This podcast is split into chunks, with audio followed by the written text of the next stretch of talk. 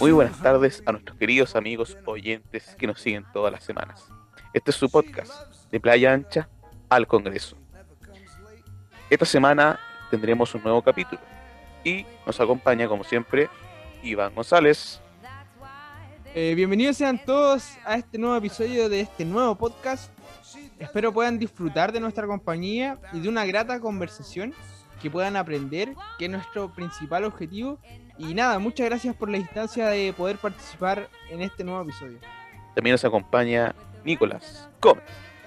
Muchas gracias Matías por esa presentación tan grata. Espero que estén todos bien en su casa y disfruten de este gran podcast que les vamos a ofrecer y de su gran contenido también. Gracias Nicolás. También agradecemos a nuestro profesor Pablo Gómez del ramo Teoría Política Constitucional, quien realiza en la Universidad de Playa Ancha. Nosotros somos estudiantes de Derecho de esta casa. También eh, queremos mencionar a nuestros patrocinadores. Primero tenemos a la editorial jurídica Andrés Bello, en la cual tiene una oferta para nosotros. Llevando el código Playa Ancha podrás tener un 20% de descuento en tu compra final. Siempre prefiere editorial Andrés Bello. Iván, ¿nos tienes un nuevo patrocinador? Sí, también mencionar a nuestro patrocinador Lápiz López, la número uno en artículos de librería en Chile. Prefiere Lápiz López y con nuestro descuento con el código Universidad Playa Ancha lleva un 10% de descuentos en artículos seleccionados. Muchas gracias Iván. Ahora eh, presentaremos nuestro tema. Esta semana hablaremos sobre el estado absoluto y todas sus etapas. Ahora hablaremos en profundidad de cada una de ellas. Eh, bueno, respecto al estado absoluto, eh, surgen distintas interrogantes que eh, iremos respondiendo conforme vayamos avanzando en este podcast. Principalmente nace la duda acerca de qué es el Estado absolutista, cómo se conforma, cuáles fueron sus etapas, cuándo nació, em, qué es el sistema credencial absolutista, entre muchas otras cosas que conforme vayamos avanzando iremos respondiendo. Para comenzar, obviamente, eh, vamos a hablar acerca de qué es el Estado absoluto. Bueno, el Estado eh, absoluto se presenta en Europa entre los siglos XV y XVIII. Y este eh, Estado tiene las particularidades de ser em, un poder político ilimitado que se concentrará en una sola persona. En una sola persona en una sola persona. O sea, esto eh, estará visible en la figura de un rey, de un emperador o de la persona que eh, establezcan que será la encargada también de ejercer los poderes eh, del Estado en una sola persona. Así es, también es, un, se caracteriza por poseer un, o sea, por tener de un poder no sometido a las leyes. O sea, la, persona eh, que, ejerce este, él, decide lo que, lo que sucede dentro de su estado. Además, em, su poder su poder se legitimizaba a través de las leyes naturales que venían de las fuentes canónicas. Que es algo irónico porque al implementarse el Estado absoluto, anteriormente el imperio, este se impuso ante la iglesia, que era su, uno de sus rivales, el imperio, y, muchas otras ciudades. Y es, irónico porque de cierta forma uno no entiende cómo la misma iglesia en su momento después legitimiza el poder del monarca. Eh, eh, eso mismo, porque, bueno, eh, con esta imposición del absolutismo en un cambio que se genera, bueno, es un cambio radical por la cómo se concibe la idea del Estado por parte de Maquiavelo. Eh, funciona como una imposición y una forma de secularización ante, ante esto, ante la iglesia y el imperio, entre otras. De forma que se separa un poco, pero como dice Nicolás, está esta duda porque llega a ser un poco... Irónico. Un poco, sí, un poco irónico el hecho de que se sustente bajo la, la idea de, de Dios, porque como sabemos, eh, el rey era como la figura divina. Entonces utiliza lo que es em, la religión, pero sin embargo la deja de lado. Es, algo complicado de entender de cierta forma, que obviamente hablaremos... Aunque, ¿saben por qué el absolutismo le ganó a esos demás tipos de política?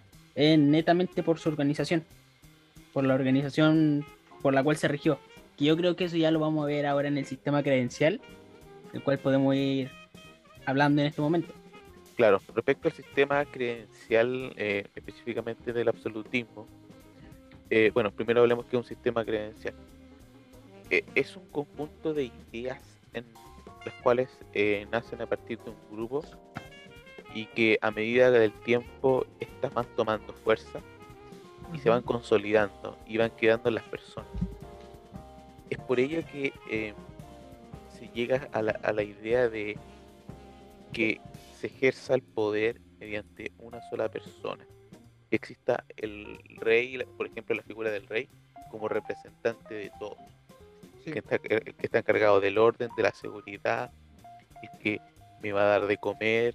Eh, tantos casos que dan eh, los súbditos para que el, el, rey sea el que lo esté amparando siempre. Pues, el, el rey era eh, bueno, como mencionaste tú, manejaba los tres poderes. En esa época, lo que hoy se conoce como la separación de poderes aportada por Montesquieu en aquel momento, no se conocía, era una idea muy lejana.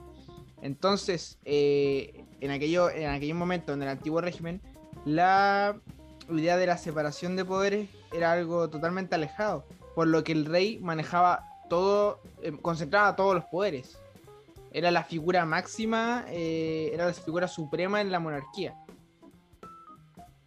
Se puede decir también, eh, siguiendo la misma línea, que el rey ejerce y transmite el poder político él solo. son, los, son los mismos tres estados, claramente. También, otra cosa que debo agregar es que el rey se considera una representación de la imagen divina en el mundo, a la cual los súbditos en ese momento estimaban como estimaban con un gran valor y le daban una ventaja a la monarquía. En, e, eh, sí, en ese sentido, eh, en ese sentido, el, lo que hacía el rey era que le entregaba como cierta protección a sus súbditos a cambio de la lealtad.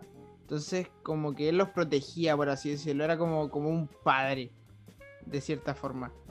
Eh, y hablando de eso, se, podemos llegar a lo que es la cómo se, cómo se pasaba el poder. Cómo se mantenía. Cómo se transmitía.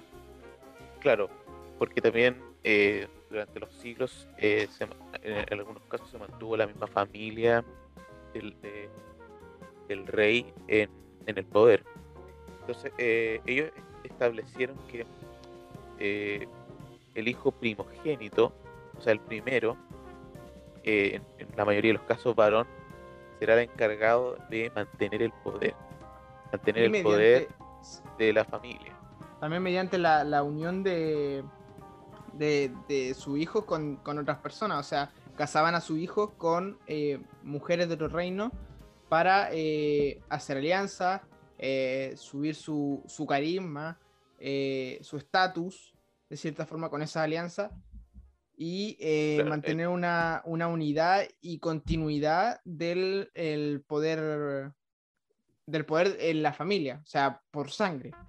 Para mantener un orden dentro de lo que sería el Estado absoluto, el mal Claro, estas esta alianzas podrían servir económicamente o en caso de guerra también ayudarían para, para mantener el poder.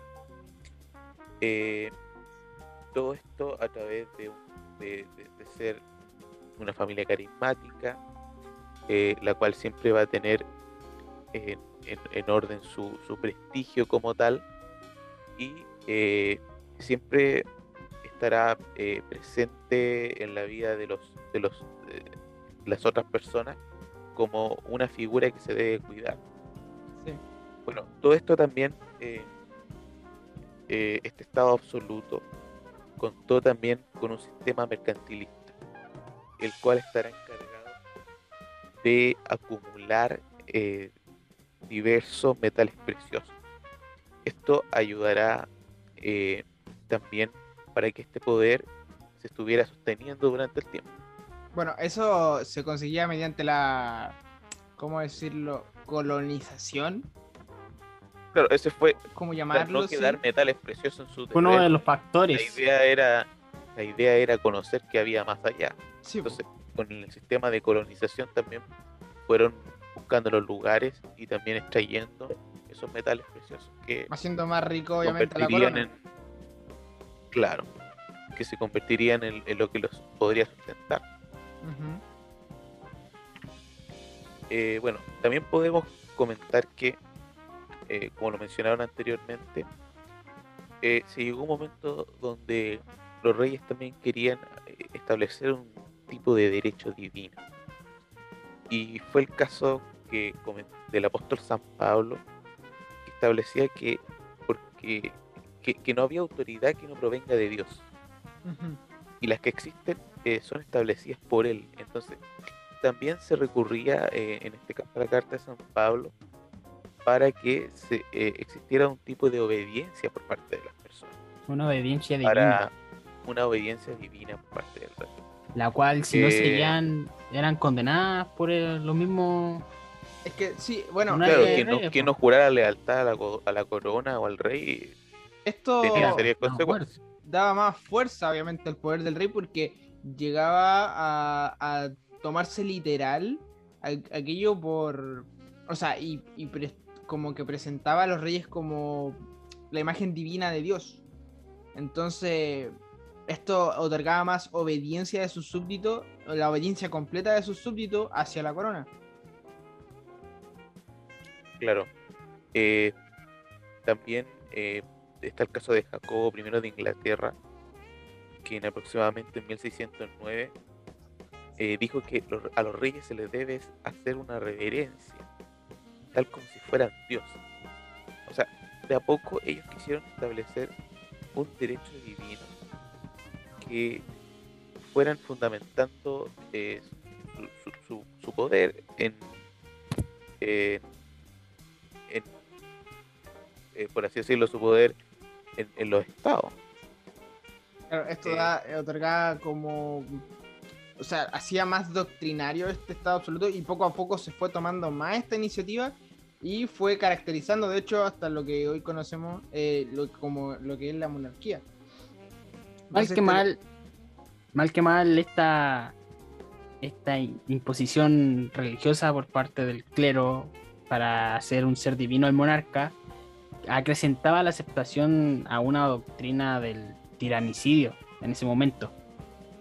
eh, se habla de tiranicidio porque el pueblo comienza a mm, de a poco como a cuestionar las ideas del Estado absolutista, del absolutismo. Entonces, esta forma de- del derecho divino de los reyes dotaba de un carácter religioso al poder y daba más fuerza para eh, defenderse de aquellas ideas. Lo que nos lleva a su vez al siguiente paso, al siguiente punto. Claro, como, eh, bueno, siguiendo, en, en un, en un comienzo nosotros hablamos sobre la secularización. Bueno, y a través de que se fue desarrollando este estado absoluto, se fue concibiendo la idea de una secularización, ya que eh, a, a- medida que pasaban los siglos, también eh, había una preocupación por parte de eh, las personas eh, y lo que ellos poseían. En el caso de Claro. algunos burgueses, Incluso que- de cambio ideológico. claro, cambios, existían cambios ideológicos y también, claro, venía un rey bueno, pero que su hijo no aseguraba eso, sino que existía una continuidad de poder, pero am- ambos podrían tener diferentes maneras de gobernar, nada estaba asegurado. Entonces, por esto se- que- que es por esto que, que nace distintas ideas, partiendo obviamente por el Leviatán de Thomas Hobbes, posterior al contrato, o sea, luego el contrato social de, de Rousseau, y da pie a las ideas y el nacimiento de las ideas ilustradas, la ilustración, que eh, actuó como un movimiento que fomentaba en sí la desconfianza hacia la autoridad y que, te llama, y que llamaba a los súbditos a pensar por sí mismos. Recordemos que en aquellos momentos la información era entregada y todo lo que se conocía estaba entregada por el mismo reino, por la misma corona. Entonces toda la información estaba de cierta forma limitada y controlada por ellos. Eh, habiendo también censura, distintas cosas. básicamente, si tú hacías algo que no le gustaba al reino, te podían hasta matar. Te condenaban a la muerte. Sí, podían hacer lo que ellos quisieran. Entonces esta idea de, ilustración eh, fomentaba eso, esa desconfianza, porque te hablaba acerca de que, eh, o sea, amenazaba en sí las corrientes, eh, o sea, la vida aristocrática. Se comienza a cuestionar por qué ellos tienen estos privilegios. La idea, la idea ilustraba que mal amenazaba lo que era el Estado absoluto como tal, porque juntaba al monarca con el clero haciéndolo una divinidad, y la idea ilustraba mal que mal también eh, desconfiaban mal que mal de lo que era una imagen divina que no sabe si existía o no. Entonces. Claro, esto fue debilitando el sistema también credencial absolutista que se, que se concebía en un comienzo. Eh, es por ello que eh, esta idea de tener al monarca eh, no, no, no, gustó, ya que existía una identificación personalista y el monarca no percibía que estas ideas ilustradas o ideas democratizadoras eran las que se debían seguir en un gobierno o, en un, que deberían estar en el poder. Es por ello que eh, estará en un momento de crisis el sistema absolutista. Sí, sí porque se, se, comienza a perder la creencia de que la monarquía, la jerarquía de este tiempo y la aristocracia son cosas eh, naturales, por así decirlo.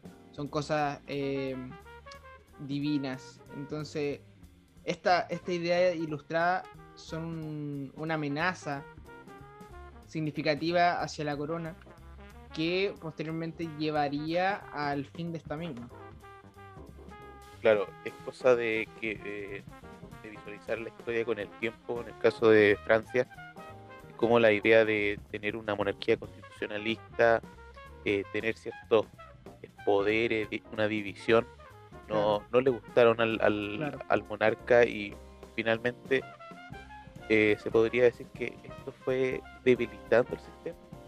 A llegar al punto de que algunos estados se mantienen con una monarquía constitucionalista, eh, como en el caso de mm, Inglaterra, y algunos eh, ya se convirtieron en república. Es que también que el esta, esta, esta forma de pensar eh, hablaba acerca de que la desigualdad que existía en aquel momento, o sea, había mucha, muchas brechas, muchas diferencias entre los distintos estamentos, o sea, había una gran diferencia, entonces era normal que hubiese un descontento social que... Una igualdad. Eh, claro, y que si acaso no se podía cambiar eso para que existiera un mundo más justo. Por eso nace la ilustración.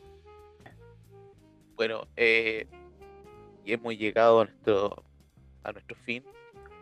Eh, agradecemos la compañía en este capítulo y esperamos que próximamente nos, puedas, nos puedan escuchar hablando sobre otro tema, aprendiendo también de las diferentes formas de Estado que podrían existir. Muchas, gracias, por, por escucharnos y nos vemos pronto. Adiós.